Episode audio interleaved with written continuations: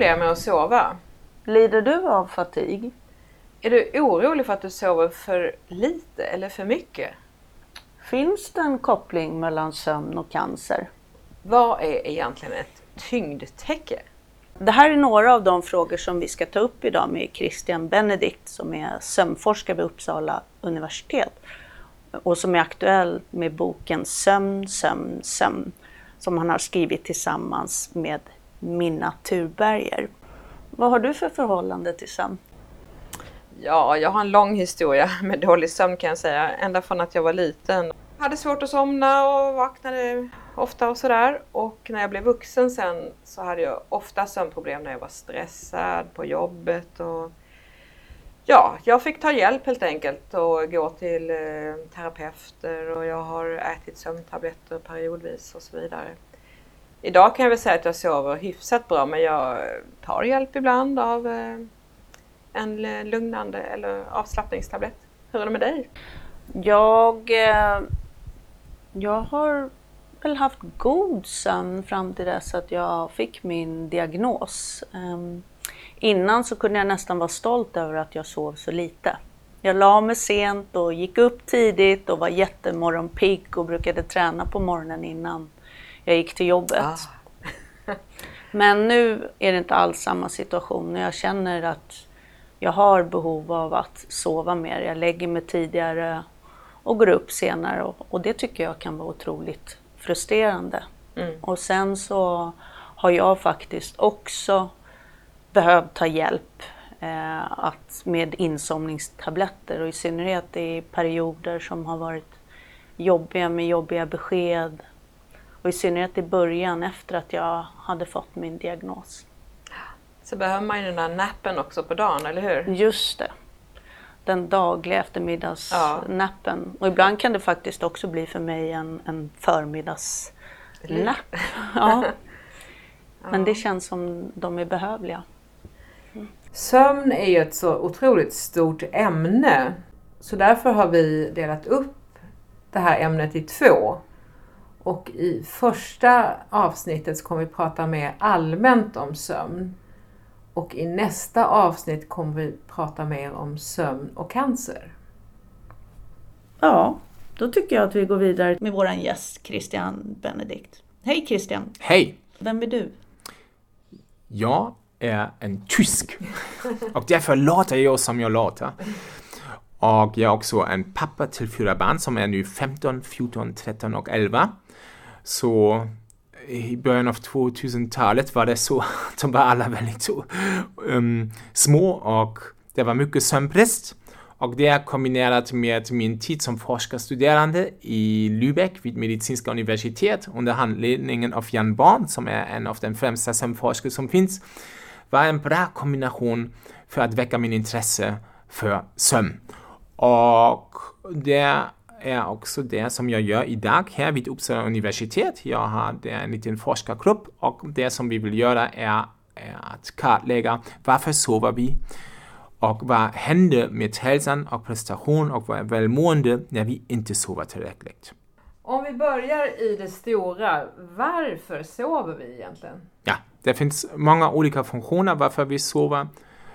En är att vi befäster minne som vi har lärt oss under vakenhet. Vi um, måste också sova på saken för att komma fram med en insikt. Ah, det är det som är bakomliggande mitt problem. Och vi behöver också sömn för hjärnans hälsa.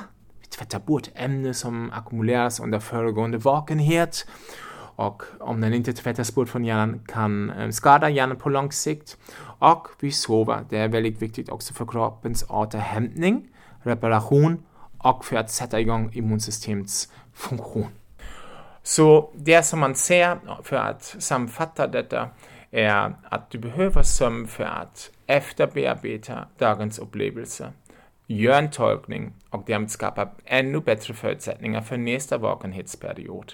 Så det är så att sömn och vakenhet sammanspelar. Mm. Det låter som ett redigeringsverktyg i mina öron. Man kan liksom bearbeta och klippa det som man inte vill ha kvar. Det tar man bort. Yes. Men om, eh, man ser ändå till antalet timmar. Yes. Finns det några allmänna rekommendationer hur många timmar per natt som, som vi som är vuxna ska sova? Yes. När man kollar på um, populationsstudier och deras resultat, där säger man, om man bedömer då sömnlängden, att de vuxna som sover mellan 7 till 9 timmar, det är de personer som har den lägsta risk att bli antingen sjuk, och med sjuk menar jag alla typer av um, sjukdomar, det kallas bara morbidity, all cause morbidity. Eller de har också en lägsta risk att um, dö så att säga, tidigare, dödlighet. Men om man kollar då vidare, vad innebär detta? Om man kollar då på de som sover mindre än sju timmar, det ser du att de har en lite ökad risk för dödlighet och um, sjuklighet. Men man ser också att de som sover längre än nio timmar, även där ser man att de som sover um, längre än nio timmar har en ökad risk för dödlighet och för sjuklighet jämfört med de som sover mellan sju till nio timmar. Det är inte så att är sömnen är... Precis, det är inte sömnen som är problem. Det är en bakomliggande sjukdom som och kroppen försöker med hjälp av sömnen att kompensera, att, att använda sömn sin verktyg för att hantera med den här sjukdomsprocessen. Men som jag har sagt i början, sömn är en väldigt viktig faktor men inte den endast avgörande faktor. Så ibland är det så att sömnen, även om du då försöker förlänga detta, hjälper inte för sig själv att helt så att säga, hantera den här sjukdomsprocessen. Men det som är viktigt är, om vi flyttar ner det till en person, en individuum, det kan vara väldigt annorlunda. Ja? Det kan vara så att du är en person som i genomsnitt bara sover sex timmar.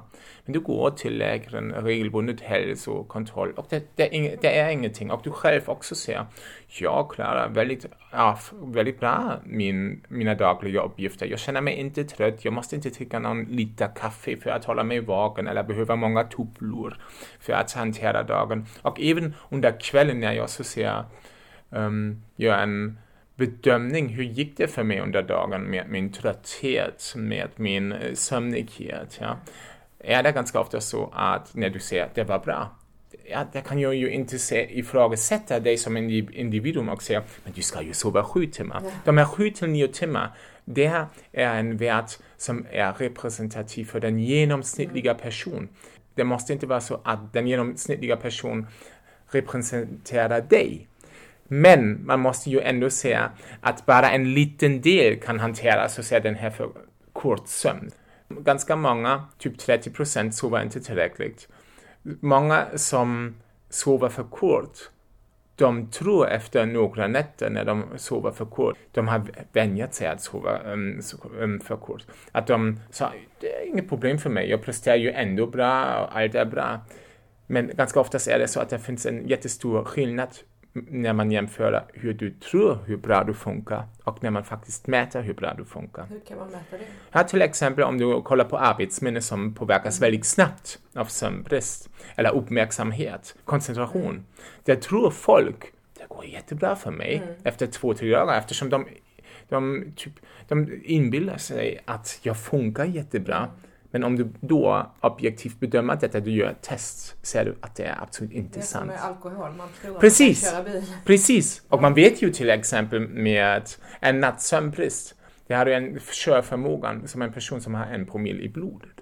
Men gör vi det när vi är då på gator och ja, jobbar som polis, gör de det att de frågar dig hur länge har du sovit? Eller har du en obehandlat sömnproblem eller en sömnsjukdom?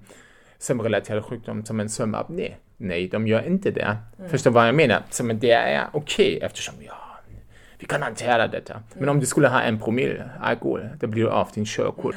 Men när man ändå tittar på antalet timmar, talar man inte också kvalitet Ja, precis, precis, precis. Vi har pratat här om längden, men det är ju också en fråga av kvalitet. Fast vi, man måste ju vara försiktig när man tror det är två absolut um, olika aspekter av sömn. Eftersom du behöver ju också en viss längd för att gå igenom alla de här sömnfaser och gå igenom de här sömncykler. Och eh, du har ju också de första sömns, under de första timmarna har du ganska mycket djupsömn medan under de senare timmarna har du ganska mycket drömsömn. Och om du sover väldigt kort kommer du att ha mindre drömsömn till exempel. Så du ser, det, det hänger till en viss utsträckning tillsammans, men ändå är det så att sömnkvalitet är ju väldigt viktigt. Och det kan till exempel också vara en förklaring varför en person som sover i genomsnitt bara sex timmar ändå hanterar det jättebra, går till läkaren, allt ser bra ut, visar inga försämringar om man kollar på prestation eftersom den personen möjligtvis har en väldigt um, högt kvalitativt sömn. Men det är ju inte bara sömnkvalitet, det finns också en annan grej som spelar här en väldigt viktig roll och det är också sömntimingen. När sover jag under en dygn? Ja, vad menar jag med det? Man vet ju till exempel de som jobbar nattskift, de jobbar ju under en tid där deras inre klockan säger du ska sova nu, du ska inte jobba. Det är emot vår biologi att vara vaken nu och jobba. Men de gör det ändå, blir så pass trött, kommer hem under morgonen, men får då den här solljusexponering eller äter frukost med sin familj för att ha också lite social umgänge. Och vad händer då? Det ser deras inre, inre klockan nu är det dags igen att varva upp och inte men dags att sova. ställer inte kroppen om då om man har jobbat? Ja, men man, man kan till en viss utsträckning kan man vänja sig, men det är ju väldigt svårt. Om du till exempel reser till USA, ja, där har man en jetlag mm. som man upplever.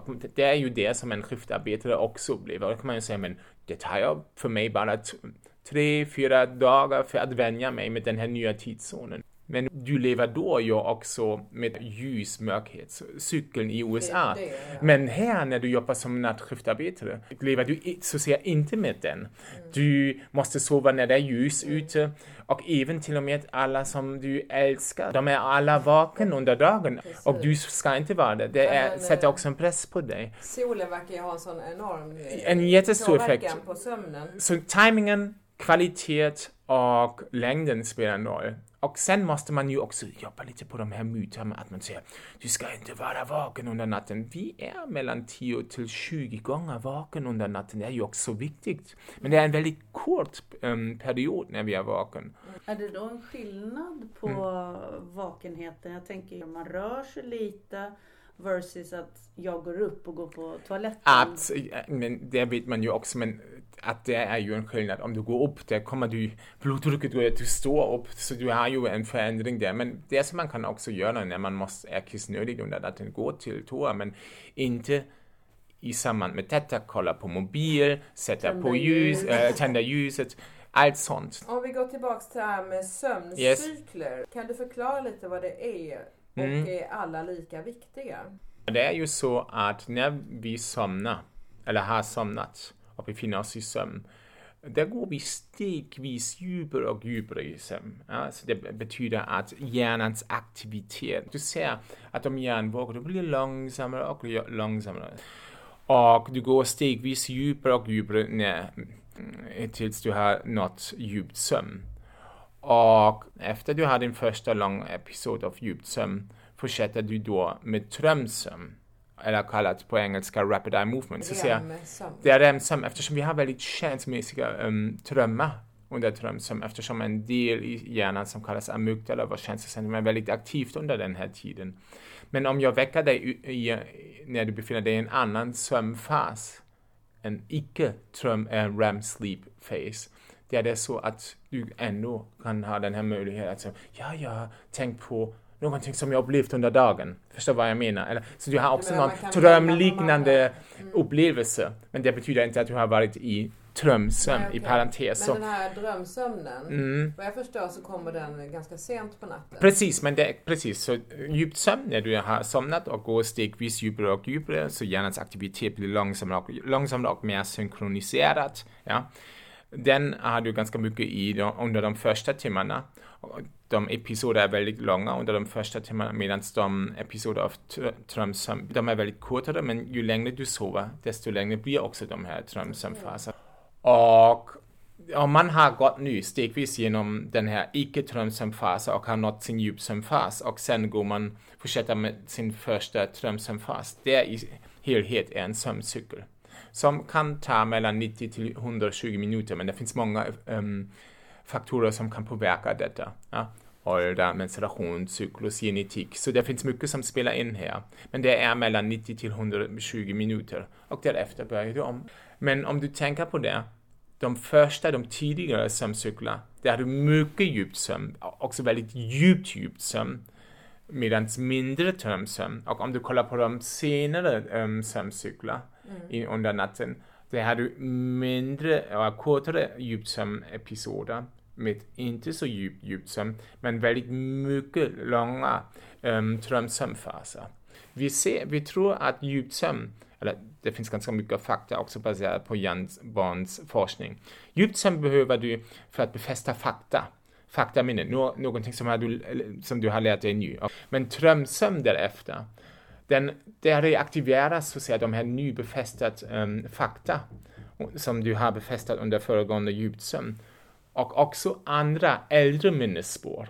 Och hjärnan gör då en, en tolkning lite mer efter en random, um, vad heter det, trial and error-princip. Ehm, Finns det någon överlappning? Så vi, vi använder de här nya pusselbitar som vi har eftersom hjärnan vill förbättra ännu mer sin möjlighet att förutse de konsekvenser av ett visst beteende som du kan visa under vakenhet. Förstår vad jag menar? Så om du ibland har den här känslan, det är någonting som jag upplevt förut, eller en déjà vu. Mm. Det är lite min hypotes. Mm. Jag tror att en déjà vu är ingenting annat än att du kommer ihåg ett mönster som du har um, gått igenom under sömnen i drömsömn. Eftersom hjärnan använder drömsömn för att så att säga skapa en bättre möjlighet att förutse vissa um, konsekvenser som är kopplat till en viss så att säga, situation. Olika val. Precis, olika val. Och hjärnan gå hela tiden genom detta. Vad finns det? Kan jag lägga till någon annat val? Och plötsligt efter två, tre dagar, eller en viss situation, det kan ju också vara två månader sedan, befinner du dig i en situation när vissa pusselbitar som hänger ihop eh, med den så att säga tolkningsprocess ligger på plats och hjärnan ser detta mönster plötsligt. Och du säger yes, det är ju någonting som jag har sett förut. Ja, det är ju min dröm så att säga som jag har haft. Vilket geni. Det, ja, ja, det, men det är spännande och man måste ju också erkänna det finns mycket forskning kring ehm, um, djupsömn och det finns ju också mycket fokus på djupsömn. Men vi, blir, vi är inte så vi vet faktiskt inte så mycket om drömsömn eftersom drömsömn är en jättespännande, um, fast men det är väldigt konstigt också. Det kallas också på engelska paradoxical sleep eftersom du, du, är paralyserad, det vill säga att dina muskler inte innerveras, att du inte gör det som du drömmer, fast det finns undantag, det, men det är en sjukdom. Men normalt visst gör vi inte det. Du menar att under REM-sömnen så... Det, det, gör du inte det som du drömmer. Om du drömmer till exempel, jag springer uh, omkring, då kommer du inte att göra detta. Nej, just det. Förstår vad jag menar? Så du, du är paralyserad, avkopplad. Mm. Ja. Men om du kollar då på hjärnans aktivitet, det ser vakenhetsliknande ut. Det är mycket på gång där. Jag tänkte på Ibland när man vaknar upp så känner man nej ja. nu och klockan ringer ja. och det är så motigt. Mm. Är det då att jag har vaknat upp i fel, fel stadium? Att det är djupsömnen? Ja, det, och kan, mm. jag, kan jag styra det med hjälp av app och de här ljus... Det är ju en, så en dröm och det är ju också många av de här, av de här appar vill att de säger vi väcker det utifrån någon um, lätt sömnfas, så sömnfas 1 och 2 som du först har innan du fortsätter då med djupt sömn. Och när man väcks utifrån djupt sömn upplever man någonting som kallas sleep inertia. Så man känner sig otroligt trött och det tar typ mellan 10 till 20 minuter att komma igång. Om man tänker nu då på de här apparna den här tekniken blir bättre och bättre så ser jag, De är ju också mycket baserade på, um, vad heter det, heart rate variability, att de, man vet att vissa sömnfaser har en annorlunda heart rate variability än andra och då kan man utnyttja den här informationen för att säga okej, okay, nu, nu är det kanske en jättebra tidsperiod för att väcka den här personen. Ja. Men det finns också mycket, de blir bättre och bättre, men man, det finns också mycket, vad heter det, bias mm. fortfarande i de här algoritmer som presenterar den här underlag för de här olika appar. Men ett stort problem av de mesta av de här um, appar är att de kan inte så bra skilja mellan vakenhet och sömn. Eller vakenhet liggande med och sömn, förstår vad jag menar? Eftersom när du ligger då i sängen och inte springer omkring en, din sömnutredning skulle säga direkt att den personen är vaken. Ja. Men den här um, sömnapp tror du är fortfarande befinner dig i sömn fast du är inte, inte sover eftersom du ligger där. Men vet ni vad jag tycker vad man ska göra? Man ska bara sova och man ska gå upp när man vaknar.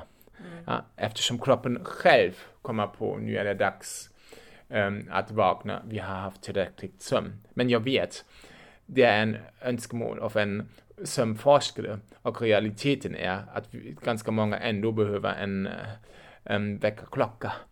Det, men ändå, ett problem är om jag frågar er, hur har ni sovit de sista två, tre månaderna? Det, det är ju bara mer baserat på magkänsla. Mm. Ja?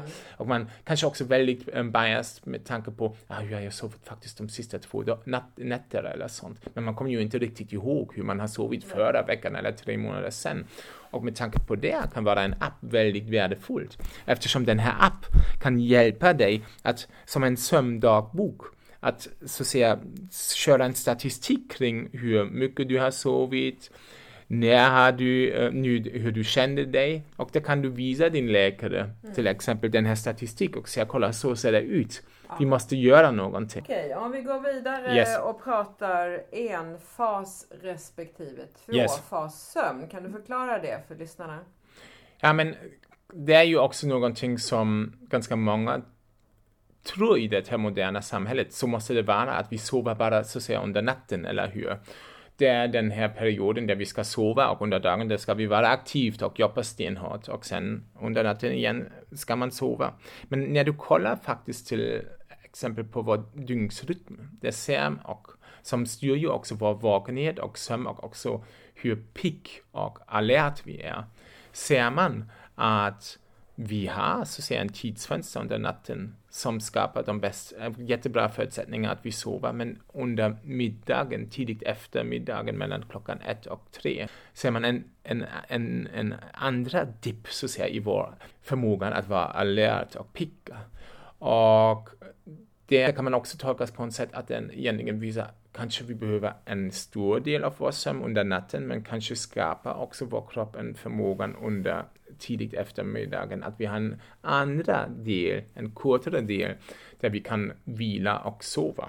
Och man vet ju till exempel i um, ser det i södra Europa, där har de ju också den här siesta, eftersom det är för varmt under dagen och mm. det är ju också idealt då att sova under den här tiden och man måste då, men under kvällen är det inte likadant varmt och man kan ha socialt umgänge så man kan vara längre vaken och sova då en kortare pass. Men vi har skapat en förståelse att vi måste sova allt i natten. Men mm. om man kollar bara då på biologin av vår, eller på mönstret av vår inre klockan ser det så ut att det är ju faktiskt inte sant. Vi tror bara att det är så. Men jag tycker ändå att det är viktigt att man har sin huvudandel av sömn under natten eftersom där skapas de bästa, för, bästa förutsättningar. Och någonting som till exempel polyfasisk sömn, att man ser som Cristiano Ronaldo, den här fotbollsspelaren, jag sover två timmar eller tre timmar och sen är jag vaken och sen sover jag igen tre timmar. Så det är bara viktigt att komma så att säga, upp till sju till nio timmar över ett dygn. Men det, det spelar ingen roll när jag gör det. Om jag har flera faser där jag sover jämfört med en fas. Jag tycker det är lite problematiskt eftersom vår innerklockan inte skapar så, säga, så många tillfällen under ett dygn där vi ha, kan ha sömn och i kombination med inneklockan få ut de här bästa hälsoeffekterna. Ja? Du vet ju också till exempel om vi pratar, för att avrunda detta, om de som jobbar nattskift. Ja? De försöker sova under dagen men deras änglaklockan skapar inte ett bra, bra förutsättningar för detta. Så de har svårt, fast de är så pass trötta, att somna. Men inte bara det, de har till exempel inte så mycket drömsömn eftersom deras änglaklockan är väldigt avgörande också för hur mycket drömsömn har jag under min sömn. Och den förmågan är störst under natten, men betydligt mindre under dagen. Så därför har de inte samma um, sömncyklarna som, vi, som de skulle ha när de har nattsömn. Så jag uttalar mig för att man ska ha sin huvuddel ehm, um, av sömn under natten.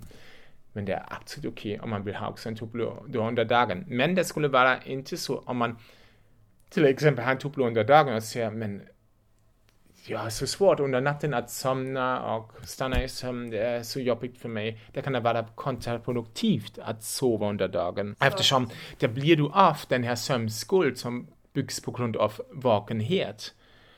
Eftersom när du har då en längre tuppel under dagen har du också djupt sömn och betalar redan tillbaka en viss sömnskuld. Och då har du inte tillräckligt sömnskuld under kvällen för att somna. Och det är också en väldigt viktig del att hantera med insomni till exempel, att man säger att du ska inte ha en tuppel under dagen. Och man ska inte gå och lägga sig när man är trött eller på kvällen? Är det så att man ska invänta tröttheten? Precis, jag tycker det är väldigt viktigt. Du ska känna dig så pass sömnigt att du säger okej, okay, nu vet jag att jag kommer lyckas sova. Eftersom det är ju inte bra att ligga då i sängen och du, kan, du känner dig inte sömnigt. Nej.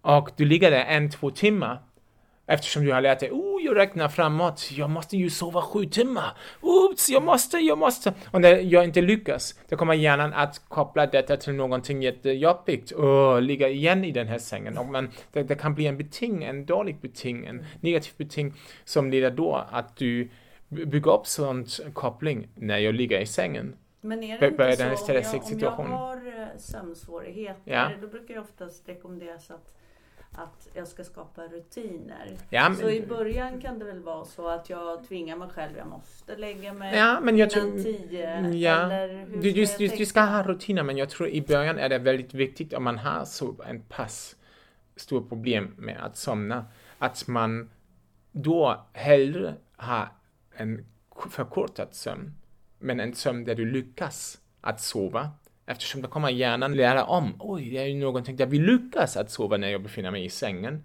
Och det kan då framöver hjälpa dig också stegvis igen att förlänga din sömn och så att säga sova som rekommenderat. Jag tycker det är bättre än att ligga där och säga jag har ju lärt mig sju timmar. Hur är det då om jag ligger där och inte kan somna? Vissa böcker säger ja. att att jag ska ligga kvar och andra böcker säger efter 20 minuter om du inte kan Jag ser båda. Om du tänker på KBT för insomni, ja, kognitiv beteendeterapi, säger de att ah, du ska gå därifrån efter 15-20 minuter om du har den känslan, det går inte. Men det kan ju också vara lite problematiskt om du gör det. Det kan gärna också lära sig, ah, varje gång när jag gör det måste jag bara vänta 15-20 minuter, sen går jag och gör någonting annat i vardagsrummet eller sånt. Jag tycker det beror på hur jobbigt, hur stressigt du upplever detta. Visst, om det är någonting som blir jobbigt för dig att ligga där, det ska du bryta detta, ja, detta mönstret och lämna rummet. Men det är viktigt att du går då till exempel till vardagsrummet och ändå tillåter dig vila. Och, Lägga sig på soffan. Precis, och inte sätta på TV eller göra någonting aktiverande som och vänta, vänta innan du är passtrött eller sömnig igen. För jag kan väl ändå känna att när jag är i vilan i sängen eller på soffan att det gör mig Precis, gott. eftersom, och precis, och det är det som jag beskriver också i boken. Vi ska sluta stigmatisera, skuldbelägga folk som inte lyckas sova en hel natt. Om jag säger till exempel till er, ni ska springa minst tre gånger i veckan, 30 minuter och ni ska svettas. Men där kommer ni säga till mig, tyvärr, det går inte. Men jag lyckas göra det tre gånger i veckan, en kvart. Ska jag säga det? Ja, men det lönar sig det inte. Det borde inte göra det överhuvudtaget. Nu kommer vi till sömnen. Om ni säger Ja, jag ligger då i sängen men jag lyckas inte sova som rekommenderat sju timmar i sträck. Men jag ligger ändå där och jag kopplar av. Jag ändå ger mig ett utrymme att kroppen kan återhämta sig. Och det kan ju vara väldigt kreativt framkallande. Jag har också det ganska ofta så att jag vaknar och har en spännande tanke och vill vidareutveckla detta. Och det finns inte någon som stör mig som pratar och vill någonting från mig. Så jag kan verkligen fokusera på detta. Allt fler lider av sömnbrist idag, det vet vi. Var och varannan människa har ju problem med sömnen. Yes. Vad beror det på tycker du? Jag tror det finns olika förklaringar. En förklaring är att sömn har blivit eh, eller kommit i prestationsfokus. Vi måste sova sju timmar, måste ha, vad vet jag, 30 procent djupsömn. Och om du inte lyckas, det är någonting som är fel med dig. Och det är faktiskt så att det finns också fallexempel som publicerades. Personer som har gått till en läkare som har sagt jag kan inte sova längre och de har frågat ja, men varför kan du inte sova längre? Jag har laddat ner en sån sömnapp för att kolla upp mina sömnvanor och jag har sett att det var inte så mycket som jag vill ha. Så jag försökte att komma upp till någonting men jag inte lyckades så jag började tänka så mycket på min sömn att jag plötsligt började utveckla sömnproblem. Ja, så den här prestations Um, det finns ingen undantag. Du får inte dricka någon glas vin. Och vi måste äta väldigt nyttigt. Vi måste springa hela tiden. Du måste, du måste, måste, måste. måste och vi är en människa och vi kan, ja. vi kan bära en viss tyngd, vi, men vi, vi kan inte göra allt. Men sen beror det väl också på, jag tänker alla intryck som vi utsätter oss för under ah, en dag. Och sen det, om vi nu talar om det här med digitalisering, ja, med våra precis. telefoner, man ska det här blåa ljuset. Vi, och, precis, det, det så säger, sa ju också att det finns flera um, förklaringar. Jag tycker den här prestationsskan, men den andra är också att vi har en dygnet runt tillgänglighet. Och de digitala revolution som jag beskriver också ganska mycket i min bok har också förändrat vårt liv otroligt signifikant tycker jag. Vi har en dygnet tillgänglighet. Det finns ingen, inte längre tydlig skillnad mellan privat och yrkesliv.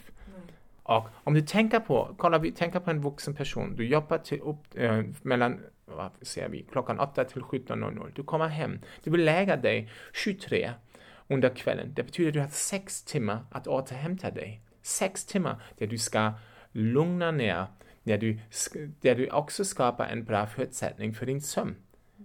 Men vad gör de mesta? De inte längre utnyttjar de här sex timmar för att slappna av, att göra någonting för sig själv. Mm. Nej, de är fortfarande kopplat på. och får, precis, och det går inte. Men och där, jag tänkte, oj, nu ja, talar vi i munnen på varandra. Ja, varsågod. Jag tänker på där är väl också problemet, många tar med sig mobilen och datorn in i sovrummet Så är eller tv-skärmen och att dessutom använder som en väckarklocka. Då yes. är det dessutom mycket lättare att ta upp mobilen. Och det är ett annat problem med den här mobilen. Jag var i Tyskland på tv för att prata om min bok och den här um, moderator, hon frågade mig när jag också pratade om den här stress sa hon, och jag tyckte väldigt mycket om det, men ganska många upplever det inte som stress att ha en mobil. Det är ju också någonting kul eftersom jag kan vara i kontakt med andra, jag är i sociala kanaler, det är kul, jag kan kolla upp information. Det är ju ingen stress för mig. Och jag sa till henne, det är absolut sant. Det är andra, så att säga, delen av medaljen, eller sidan av medaljen. Men Hjärnan är så pass nyfiken. Hjärnan gillar visst informationsflöde, att vara i kontakt med andra, att gå till sociala nätverk eller kanaler där du får mycket beröm också. Även om det är bara pyttelite beröm, men du gör en, en inlägg och du får en thumbs up på Facebook eller på Instagram får du en hjärta eller Twitter en hjärta. Folk kommenterar det är jättekul, oj, vad fin du ser ut det, vad är det? Det är social bekräftelse som vi strävar efter. Och det sätter igång också. Det sätter igång lite dopamin. Det, det, men inte bara dopamin på sånt sätt att dopamin är en vakenhetsframkallande ämne som gör det svårt att somna. Men det sätter igång belöningssystemet. Eftersom belöningssystemet säger det är ju någonting som jag vill. Jag, jag vill sånt bekräftelse. Det är positiv stress. Men vad gör hjärnan då när jag sover och mobilen ligger bredvid mig när jag sover? Hjärnan är inte dum, den är, den är medveten att den finns där och hjärnan blir distraherad. Och fast jag sover kommer hjärnan att veta, det finns ju den här mobil. Så när du kollar, vaknar under natten och kollar på mobilen, som alla ser, för att bara kolla på tiden, så är det plötsligt, det finns ju också på display en, en meddelande från Instagram. Ah, jag kollar snabbt. Mm. Och det är någonting som är absolut problematiskt eftersom det kan du inte sova om. Eller många har också problem och de har gjort en enkät bland, bland 180 000 barn och tonåringar i Australien. Hur mycket och när de använder så screen-based technologies. Och de har hittat att 25% av barnen i åldern mellan 7 och 8 använder minst två gånger i natten en skärmbaserad teknologi. Om man går till de som är 17 till 18 år gamla är det 84 procent. Så om man tänker på det, på vuxna, vi är inte... Vad kommer det här leda till tror du? Att ungdomar idag börjar få sömnproblem? Så är det. Och man ser att det finns um, statistik från um, Statistiska centralbyrån här i Sverige och det är ganska intressant när du kollar på olika åldersgrupper ser du i 80-talet självrapporterande sömnstörningar i samhället ser man, ja, ju äldre du är, desto mer berättar du, min sömn är fragmenterad, jag sover inte likadant djupt som är normalt. Det är en åldrande relaterande process. Medan de yngre, de är inte i samma utsträckning berättar detta. Men sen millennieskiftet har de kommit upp på samma nivå som äldre personer. Och det får ju inte vara så. Om du är gammal, där har du en fragmenterad sömn, där har du ont i kroppen, där har du sjukdomar som kan leda också till att du har en dålig sömn. Men om du är en ung person ska du ha en väldigt bra sömn. Men nu är det vad händer då kring millennieskiftet? Dator, mobiler har kommit och, och, och. Finns det då några allmänna rekommendationer för att förbättra sin sömn? Ska jag lämna mobilen utanför sovrummet och ha den på Jättebra, jättebra. Vet du vad när jag... Ska Ja. jag gå, när ska jag gå offline innan jag går och lägger mig? Så du kan till exempel ta din mobil, stänga av mobilen och eh, ladda den i köket. Man vet till exempel också, man, jag har lyssnat till en podcast med en arbetsterapeut från England, det var en fantastisk idé. Han sa också, hur kan man bli av också den här mobilberoende under vakenhet? Och han sa, till exempel, ge dig också en möjlighet när du vaknar att akklimatisera dig själv med vakenhet under morgonen. Inte första gången som du gör när du vaknar och har um, ehm, slutit din väckarklockan på mobilen. Ah, vilka meddelanden har jag fått? Nej, gör inte det. Även ladda den till exempel i köttet och därefter. Lämnar du den i din väska som du har när du är på väg till jobbet och stoppa på den också en tröja och mycket annat grejer. Om du cyklar då till exempel och går till jobbet, tror du att du kommer att ta av din väska, ta bort alla de här grejerna som ligger över mobilen för att då sätta igång mobilen för att kolla på det? Det gör du inte eftersom det är inte tillräckligt um, intressant i sådana situationer. Vi behöver lära oss nya rutiner helt enkelt. Absolut. Har du någonting som du vill lämna våra lyssnare med? Um, att de ska inte oroa sig så otroligt mycket när de har um, periodvis um, problem med sin sömn. Ja, det är viktigt att man inte ja, blir tagen av den här hysteri kring sömn. Ja. Det är så att vi har periodvis um, ehm, ja, ett större problem att somna bra, men om du ändå tillåter dig under de här nattimmarna att vila och vara för dig, kommer du ändå göra någonting bra för dig. Sömn är inte bara en fråga av svart och vitt, antingen du lyckas eller inte. Även, det finns mycket också emellan och vilotid, även om du inte sover på bästa um, sätt, är ändå en tid som är för dig och ger dig återhämtning. Tack för de orden. Stort tack för att du kom hit idag Christian och talade om sömn med oss. Det här var del ett av två som vi har om sömn. Och i nästa program kommer vi att prata mer med Christian Benedikt om sömn och cancer.